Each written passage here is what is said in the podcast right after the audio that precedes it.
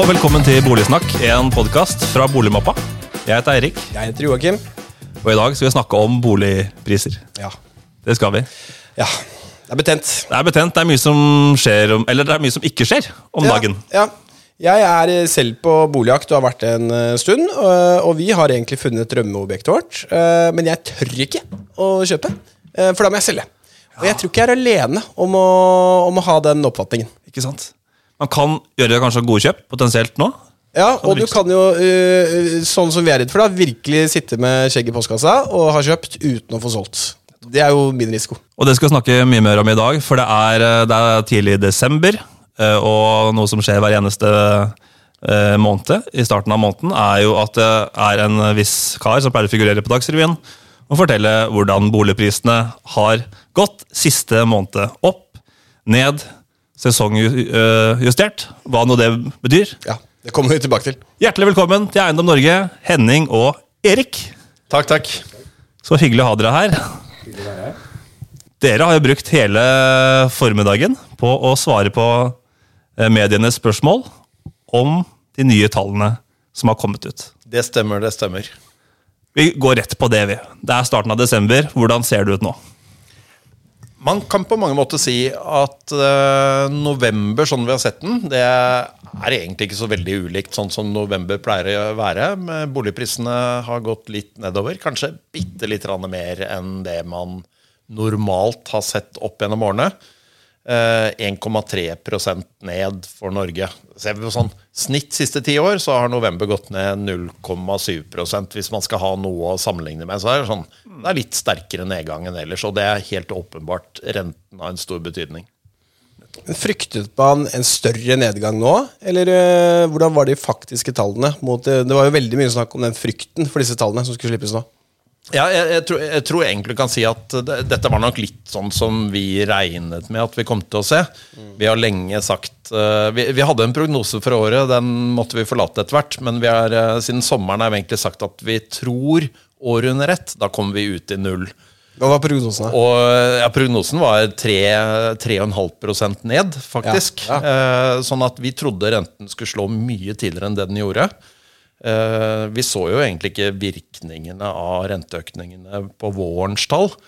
Eh, det som slo i hjel en del av systemet, var nok at vi hadde denne strenge utlånsreguleringen i fjor høst. Og så ble det gjort noen lettelser ved årsskiftet, og da smatt prisene egentlig voldsomt opp de første månedene på våren. Den effekten var mye sterkere enn det vi hadde trodd den skulle være. Og så har nok eh, norsk økonomi vært sterkere, arbeidsmarkedet har vært sterkere enn det vi også la til grunn. Altså mye sterkere, rett og slett. skal mer tilbake til året som har gått. Vi skal tilbake til eh, spådommer for året som kommer. i denne episoden her. Men eh, først og fremst, jeg spør deg, Eirik. eh, Eiendom Norge. eh, Hva, eh, skråstrek, hvem er det? Hvem er det? Ja, det er jo en liten effektiv organisasjon med fire mennesker. Da. Eh, Men med nært eh, samarbeid med eh, en rekke andre, bl.a. medlemmene. Eh, Et stort eh, styre bestående av ti- ti personer. Fag, fagutvalg. Og så har vi jo nært samarbeid med mm, Eiendomsverdi, som eh, da lager boligprisstatistikken og håndterer eh, hva skal si, det, bransjens data. da boligtallene. Så, så det er jo på en måte mer enn de fire. Hvem, hvem er medlemmene? Det er jo eiendomsmeglingsforetakene. Ja, foretakene. Ja, så det er jo det er vel ikke så mange organisasjoner i Norge Organisasjonsflora flora, som er da nesten 100% representert. Og det er med 98. er 98 av volumet, ja. Så det, er- så det er jo en bragd i seg selv at man har en eh, samling.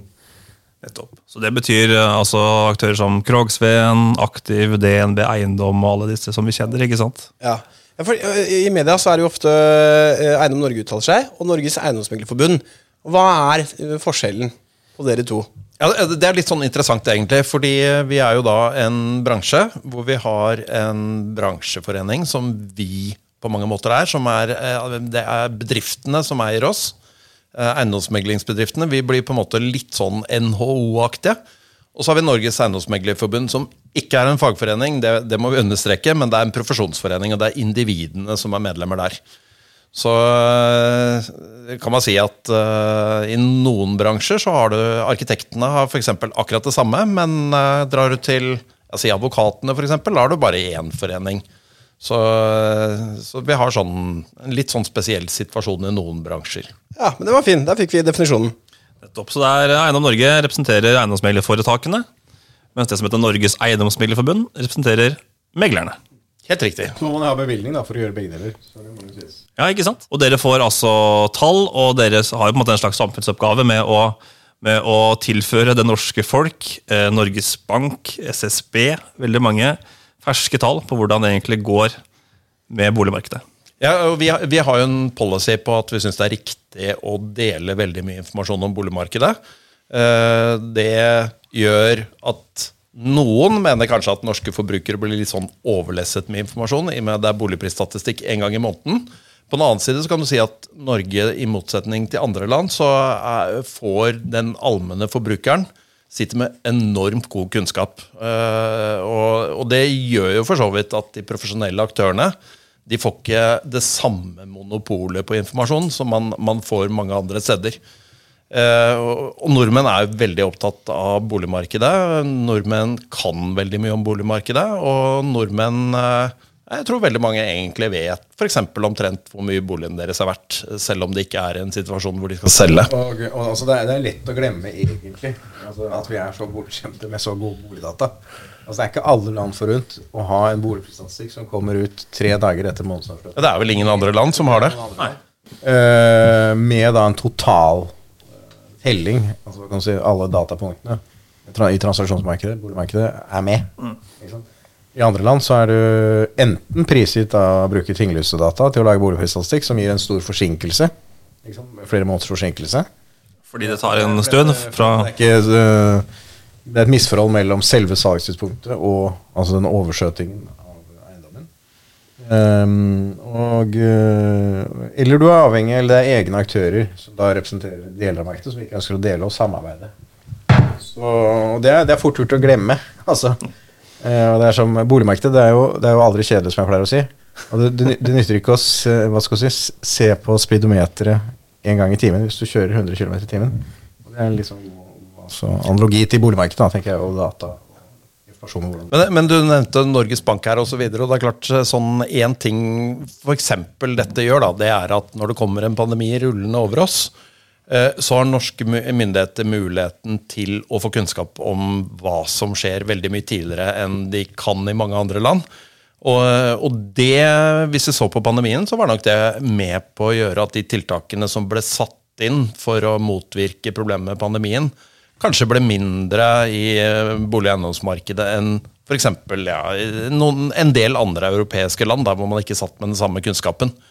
For det er klart, Hvis du må sitte og vente to måneder for å se hva som skjedde i mars 2020, så, så ligger du litt etter i starten. Ja, da er du på etterskudd. Ja, man glemmer at man er litt privilegert i Norge. Fordi jeg, bare, men var ikke, jeg mener jeg hørte noe om at Sveits det er mye mer lukka marked. Altså Hvis du kommer dit som utenlandsk og byr, du vet, du vet nesten ikke hva du skal by. Altså du, Hvis du ikke har den kunnskapen på forhånd, så, så byr du nesten blinde. Altså Du kjenner ikke eiendomsprisen. Er Her i Norge har vi jo dere nevnte eiendomsverdi.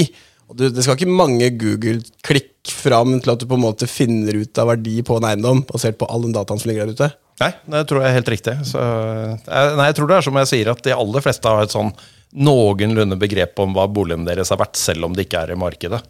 Og i hvert fall de som bor i områder hvor, eh, hvor det er en del aktivitet i boligmarkedet.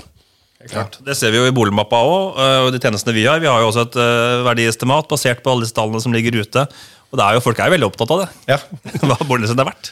det er... uh, Nei, det er ikke det. det er ikke. Det er ikke rart når man skal åtte av ti nordmenn til enhver tid er i egen bolig. Ikke sant? Ja, det er klart at det høye, tallet er betydelig høyere enn bare Sverige og Danmark. La oss snakke litt om dette, denne, denne statistikken som nå kommer ut en gang i måneden. Eh, hvert kvartal kommer det ut litt mer, er det ikke sånn? Det er fritidsboliger og region og boligprisstatistikken, og så er det, det er jo da, den er jo veldig hva skal du si, de store områdene. 17 områder i Norge.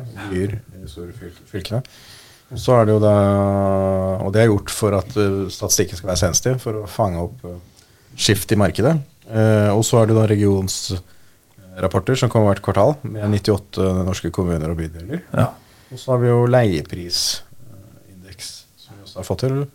eh, Som vi lagde for noen år tilbake, og den har jo nå vist seg under si, skiftet i leiemarkedet vi har hatt nå de siste, måned, siste årene. Og vært ve veldig nyttig samarbeid med en rekke leieaktører. da, sånn. Og så er det fritidsboligprisstatistikk to ganger i året. henholdsvis sjø og fjell. Er det ikke det? Ja, det stemmer. Det. Innland i tillegg. Ja.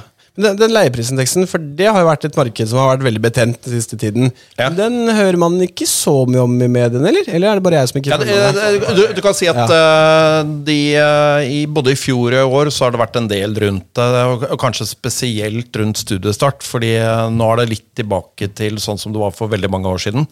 At det har vært trangt på leiemarkedet. Og så, har jo noe av leiemarkedspolitikken i Norge de siste årene har jo egentlig vært at man ønsker å kvitte seg med leieboligene, og så kom plutselig veldig mye større etterspørsel. Så nå tror jeg nok sånn mynd- myndighetene er litt i villrede om hva man skal gjøre. fordi august i år var verre enn august i fjor, og august neste år er det er jeg 100% sikker på blir eh, mye verre enn august i år. Og da kommer nok fokuset stort tilbake da. Ja.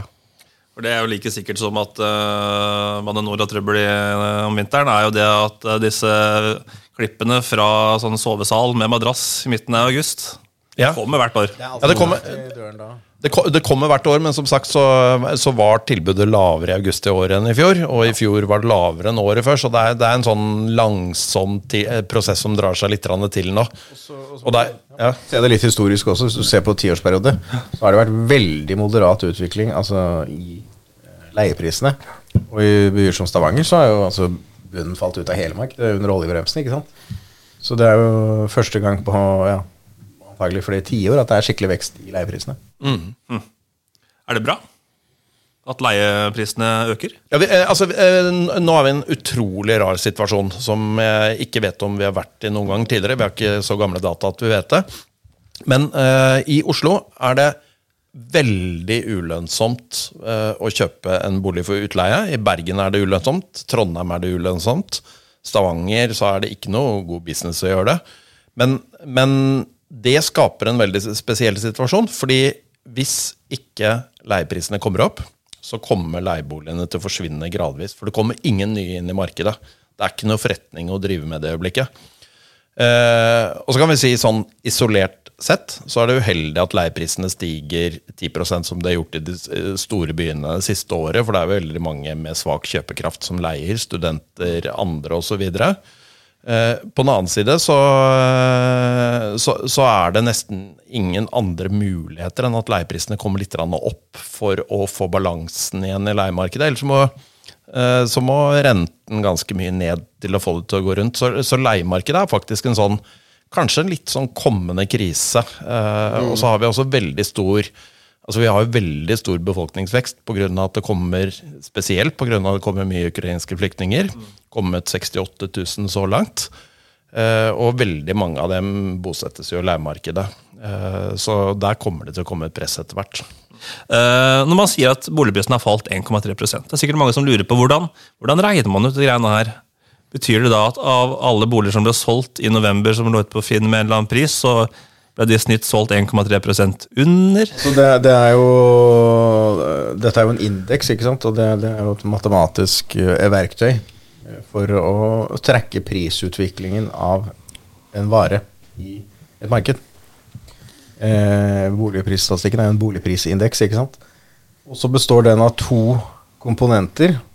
Den ene er da alle transaksjonene som da er gjennomført i den konkrete måneden, eller tidsperioden. da. Eh, og det er ikke sånn at det er et gjennomsnittlig kvadratmeterpris som da er uh, utviklingen, ikke sant? Så, ja, Hvis den gjennomsnittlige kvadratmeterprisen endret seg fra la oss si 100 til 110 000, så er ikke det, det er ikke en sånn dette gjøres. Det er mye mer komplekst enn som så. Uh, fordi man har i tillegg en estimatmodell som da tar hensyn til alle kvalitetene ved boligen. Altså ikke bare størrelsen, men altså solforhold, beliggenhet, etasje, altså you name it. Altså en lang, lang rekke. Eh, og i summen av dette så Dette er også så komplisert at jeg ikke kan fortelle en gang. For jeg gjør det ikke. Eller vi gjør det ikke. Det er selvfølgelig eiendomsverdies eh, folk som gjør, statistikere som gjør. Så, så får man da målbart denne prosentvise utviklingen. Så, og så har det vært, det var jo nå en veldig dyr bolig som ble solgt ut på Bygdøy. Som faktisk ble oppført av min tippoldefar. Det kostet da 585 millioner kroner, var det vel. Eh, Så, um, og da var det noen som lurte Ja, dette må jo påvirke boligprisstatistikken. Spurte Finansavisen. Men altså, dette er jo støy. Det der er jo Hvis altså det skulle inn i boligprisstatistikken, så hadde jo det drevet opp Ja. prisutvikling. Så det er typisk noe man ta ut. Så Det er en uteligger på en måte i statistikken her. Ja, og på samme måte så rydder man bort i sånne sammensetningseffekter. Man kan jo ha noen måneder på året, sånn mai-juni, hvor det selges mye bolig med hage, ikke sant? og andre måneder hvor det selges med mest leiligheter. Og det må jo på en måte statistikken også rydde opp i, for ellers kan du få et veldig uklart bilde. Så, så det er mange sånne opprydninger som skjer underveis, og, og gjør at disse tingene skal henge sammen over tid. Så, så det å lage en sånn boligprisstatistikk er både, både liksom kunst og, og vitenskap, for å si det sånn. Da, ikke sant? Mm. Sier den statistikken noe om omsetningshastighet, eh, tilbud, mye som ligger ute osv.? Ja, det gjør den. Den, eh, altså den forteller hvor mange som ligger ute. Eh, og så sier den noe om omsetningshastigheten. Eh, og for å ta den, eh, ta, ta den eh, for eksempel, så, så var den på 49 dager nå, nå denne måneden. eh, som, eh, som da er høyt hvis jeg sammenligner med pandemien, men faktisk litt lavere enn sånn prepandemisk tid. Og så er det veldig store regionale forskjeller. Ja. Eh, boligmarkedet sånn i øyeblikket er Sør-Vestlandet er veldig sterkt. Eh, alt he, hele veien fra Arendal til Stavanger. Så er det egentlig ganske sterkt oppover langs hele vestlandskysten til Nordvestlandet.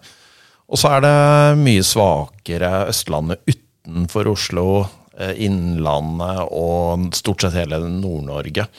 Eh, og så sier den også noe om liggetid, altså hvor lenge ligger de usolgte boligene. For det er jo også en interessant indikator. Det er noen som ikke selges, og, og der ser man at den liggetiden har, eh, har steget en del i det siste.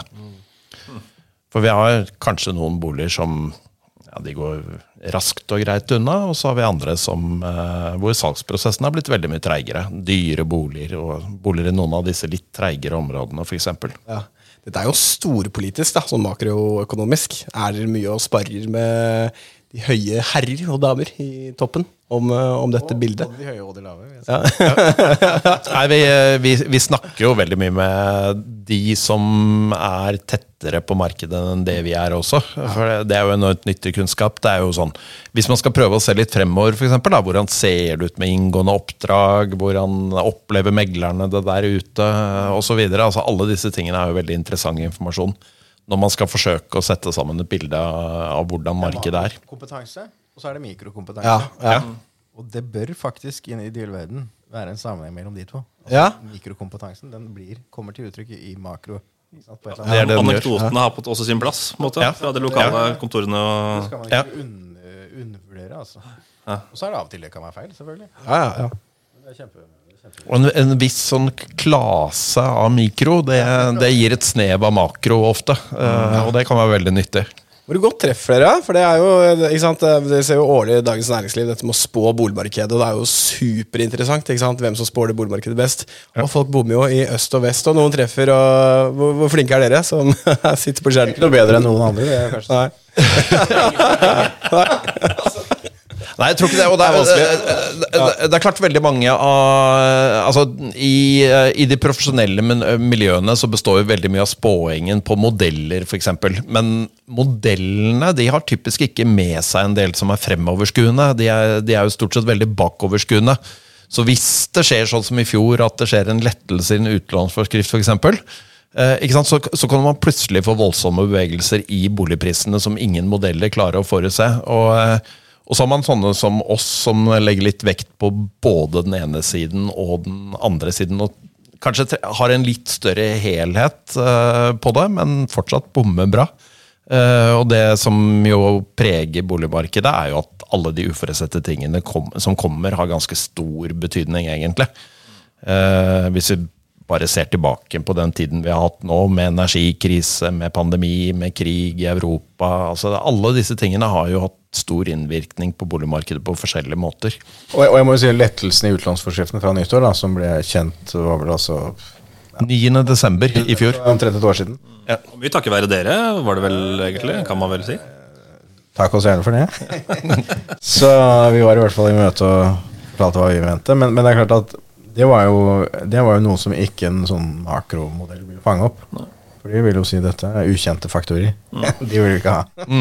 Ikke sant? Så, mm, så Men vi, vi så, tenker prøver jo å tenke litt mer sånn scenario. Hva hvis det og det skjer? hvor sannsynlig er det at vi får en endring av dette rammevilkåret, uh, osv. Så, og det med boligbygging også, selvfølgelig, fordi det er jo tilførsel.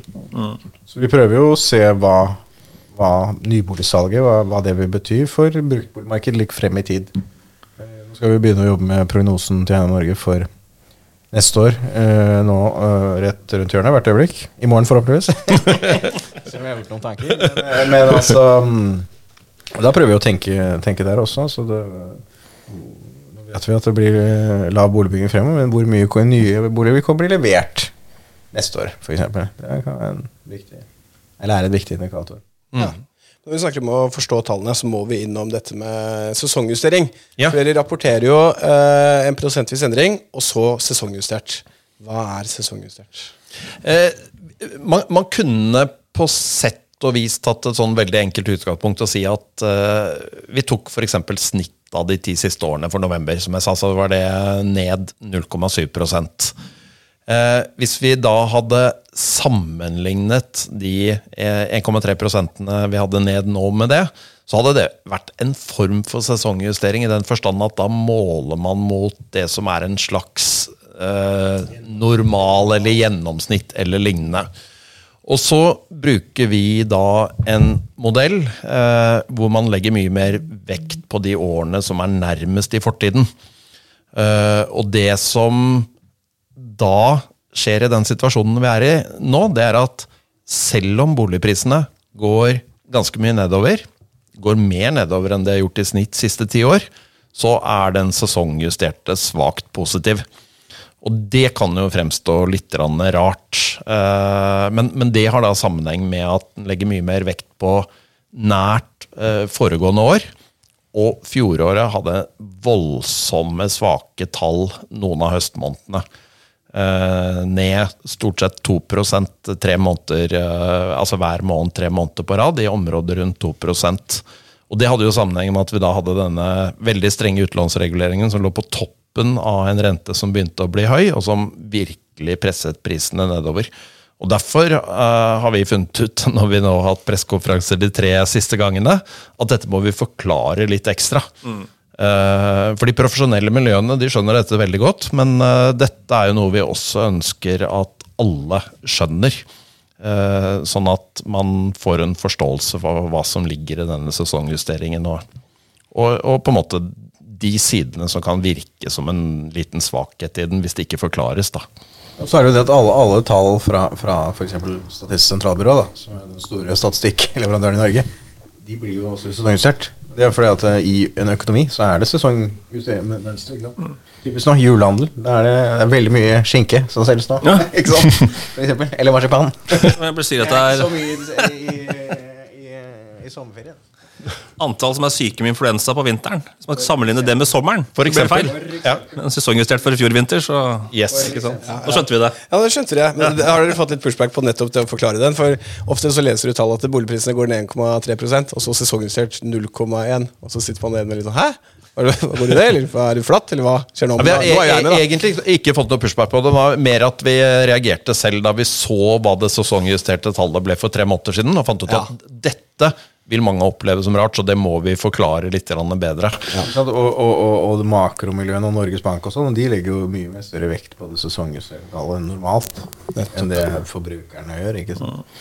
Så, så, så, sånn så var det vesentlig å måtte ta den hva skal jeg si, kommunikasjonsjobben. Så, men, men det indikerer jo også retningen, ikke sant? Og, er, nå er jo 0,1 Det vil jo en type liksom, makromiljø si men dette var mye mer positivt enn det vi ventet. liksom, ikke sant? Så, kanskje forventet at det var mye dårligere, da. Så, men for, eh, for, hva skal du si, for oss, våre medlemmer og utbyggerne, så vil det kanskje ja, nei, dette er fortsatt ganske labert. Liksom, altså. Det er nok ulike oppfatninger også av hva som er svakt og hva som er sterkt. Ja, ja, det tror jeg på. Det er veldig gøy å se hvordan mediene vinkler det. Jeg sjekket jo i dag, jeg, var, jeg var inne på en nettside som, eh, hvor det liksom var en stor nedgang, og den, og så var det en annen med kjempetall fra boligmarkedet. Så det er jo helt natt og dag. kommentarer som også kommer inn. Jeg si Når det gjelder mediedekningen av bolig altså, Det er jo litt som en slags sånn norsk sykdom. ikke sant?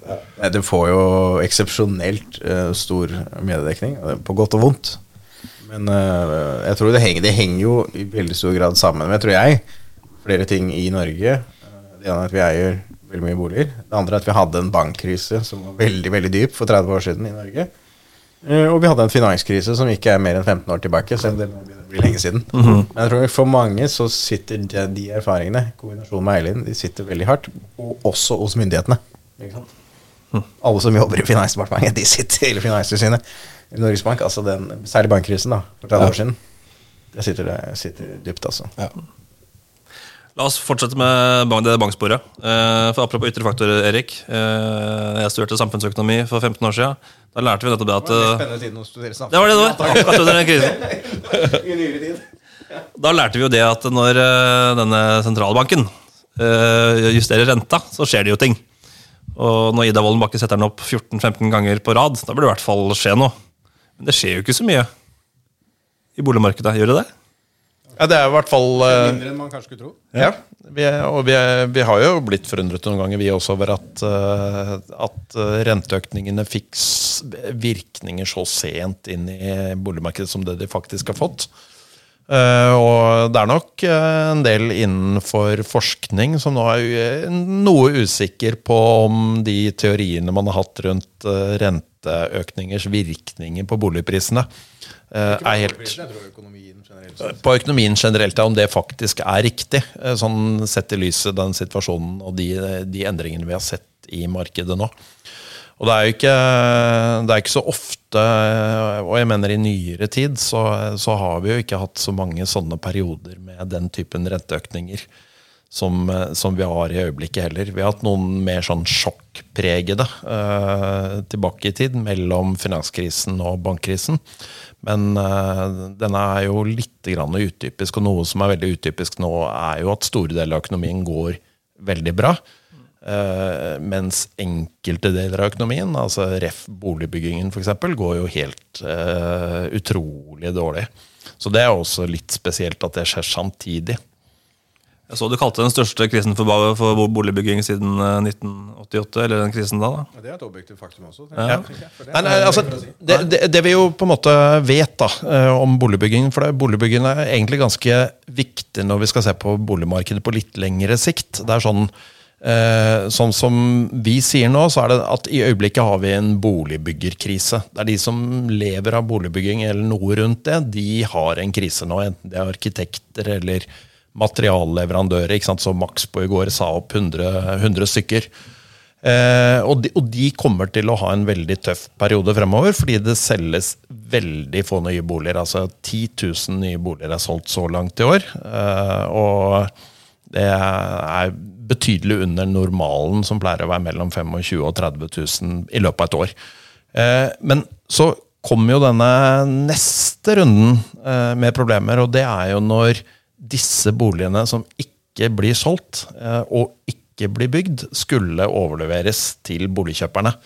Eh, så fra 2025 og fremover så kommer vi til å få eh, problemer der. For da kommer det få ferdigstilte boliger ut på markedet.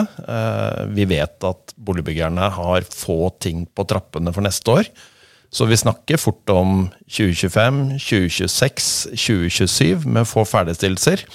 Og årsaken til vi sier dette er en kjempekrise, det er at finanskrisen den skapte egentlig problemer i boligmarkedet. Den har skapt det helt frem til i dag. Jeg tror vi kan, vi kan si at voldsom boligprisvekst eh, i 2016, eh, sterk gjeldsvekst, eh, utlånsregulering, økt andel som leier bolig i samfunnet, det er eh, alle ting som delvis skyldes finanskrisen.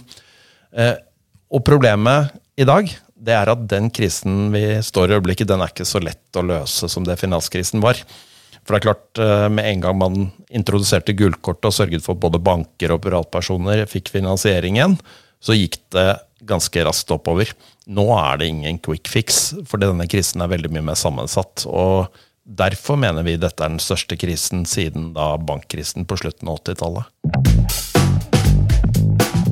Dere tror det? Hvis jeg hadde fjernet, Den burde vi rett og slett fjerna nå. Det hadde vært det sunneste. Ja, vi, vi er jo i en situasjon hvor vi, vi, vi fikk jo streng utlånsregulering i 2017 fordi gjelden, gjelden vokste så kraftig, og da var renten lav. Og, og da kan man si at da var det mange gode grunner for å ha det. Nå er gjeldsveksten i Norge den laveste siden 1995. Altså, da begynner vi virkelig å snakke om mange år siden. Eh, og så er det sånn at eh, noe av det som har vært Finanstilsynets store bekymring, som har vært at eh, nordmenn bruker mye penger på, eh, på å betjene gjelden sin, altså andelen av disponibel inntekt som går til å betjene gjeld osv., den eh, er synkende. For nå er gjeldsveksten på 3,5% på tolvmånedersbasis. Og eh, lønnsveksten har jo ligget godt over det. Inflasjonen ligger godt over det. Og det betyr egentlig at gjelden krymper i øyeblikket. Og vi må jo ha noe gjeldsvekst i samfunnet. Det er jo liksom, det er noe av det som driver samfunnet fremover også. Null gjeld- gjeldsvekst det er antagelig ikke veldig sunt. Nei, null gjeldsvekst er, er ikke særlig sunt. Så, så det, det vi tror er riktig å gjøre nå, det er å bare ta det helt bort. Eh, Det vil gi en liten stimulans til bruktboligmarkedet, som vil gi en liten stimulans inn i nyboligmarkedet. Det blir ikke så mørkt. Eh, Og så kan man jo, som historien har vist, innføre dette på kort varsel hvis det skulle oppstå et behov i fremtiden. Altså F.eks. hvis eh, økonomien skulle få en så stor smell at renten må settes veldig mye ned. Men jeg, jeg tror det altså, altså Gjeldsveksten på topp var jo 6-7 og nesten opp mot 8 til og med, om jeg ikke husker feil. Altså, jeg tror det er veldig litt sannsynlig at vi vil få en sånn type gjeldsvekst med den rentenivået vi antagelig skal ha de neste ti år. Altså, altså, la oss si i best case scenario at renten, styring, eh, styringsrenten skal ned 1 prosentpoeng. Da. Ja, altså, selv om den har settes ned 1 prosentpoeng, så er den fortsatt veldig høy sammenlignet med det vi har hatt de siste 10-15 årene. Ja. Og det i seg selv, prisen på penger, vil redusere etterspørselen. Det er det vi ser har sett også. Og ikke bare etterspørselen, hva du får lov til å låne, rett og slett. Så Hva taler for å beholde utlånsforskriftene? Er man redd for at, det skal, at man skal gå helt bananas med lån, eller er man redd for å virke inkonsekvent i politikken sin, eller Nei, jeg, jeg, jeg tror nok sånn, hvis du ser på de som er satt til å på mange måter vokte finansiell stabilitet, eh, altså Finanstilsynet, så, eh, så var det jo sånn at de ønsket en enda strengere forskrift i fjor eh, enn det den var. Og så ble det jo løst opp i den, så man, Finansdepartementet gikk jo andre veien enn det de ønsket. De eh, er nok satt til å være litt sånn ekstra bekymret, og eh, jeg, vil tro at de fortsatt vil være tilhengere at vi har en, en forskrift fremover, ut ifra at de fra, ut fra sine forutsetninger da, eh, opplever at det vil være enda tryggere. Og så vil jo vi i vår verden tenke at ja, det er ett argument inn i potten, eh, men vi har mange andre argumenter også, og ett av dem er faktisk finansiell stabilitet. Eh, hvis vi da spoler tilbake og sier at årsaken til at vi fikk streng utlånsregulering, var kanskje underbyggingen vi hadde under finanskrisen. Og utlånsforskriften den fører til større underbygging enn å ikke ha den. Så den, den kan jo kanskje bidra til noe finansiell ustabilitet i fremtiden igjen. Så her er det liksom eh, et område hvor det er viktig at det er de som skal se helheten, politikerne, som eh, er de som bestemmer i disse spørsmålene, og ikke sånne sektormyndigheter, da. Det er det ene. Det, det, andre er også det at jeg tror, mange i det politiske miljøet ikke har tatt inn over seg hvor viktig boligmarkedet er for en velfungerende økonomi. Og da snakker jeg ikke bare om byggingen, altså boligbygging. Selvfølgelig det er den viktigste fastlandsnæringen, eller en av de viktigste fastlandsnæringene, utenom olje da, og gass. Um, men det er også koblingen mellom arbeidsmarkedet og bolig. Ikke sant? Arbeidsmobiliteten. Hvis man ikke, altså Det vi har sett fra forskning i USA, er det at det, veldig høye boligpriser kan faktisk være negativt for den økonomiske utvikling. Og Hvis vi ikke klarer å få den boligbyggingen Ja, Altså veldig, veldig høye eh, boligpriser pga. for lav boligbygging, da primært. Ja. Vil være negativt for økonomien. Og hvis vi ikke liksom får en jevn forsyning av dette, så vil vi risikere et sånt scenario. Og det kommer i 26-27, var det ikke det? Ja. Hva sa du? Og det kommer i 2026-2027. Ja, det, i, hvert fall da blir, da blir det mest sannsynlig for få boliger, og hvis vi skulle få kjøpekraftforbedring da, altså Norges Bank skulle sette ned renten f.eks., så får vi fort sånn rekylvirkning.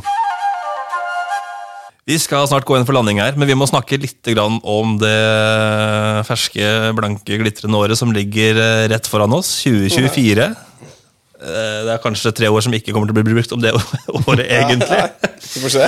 2020-tallet ser jo, er jo begynner, begynner å bli ganske dystert, da. Det gjør jo det. Ja, ja.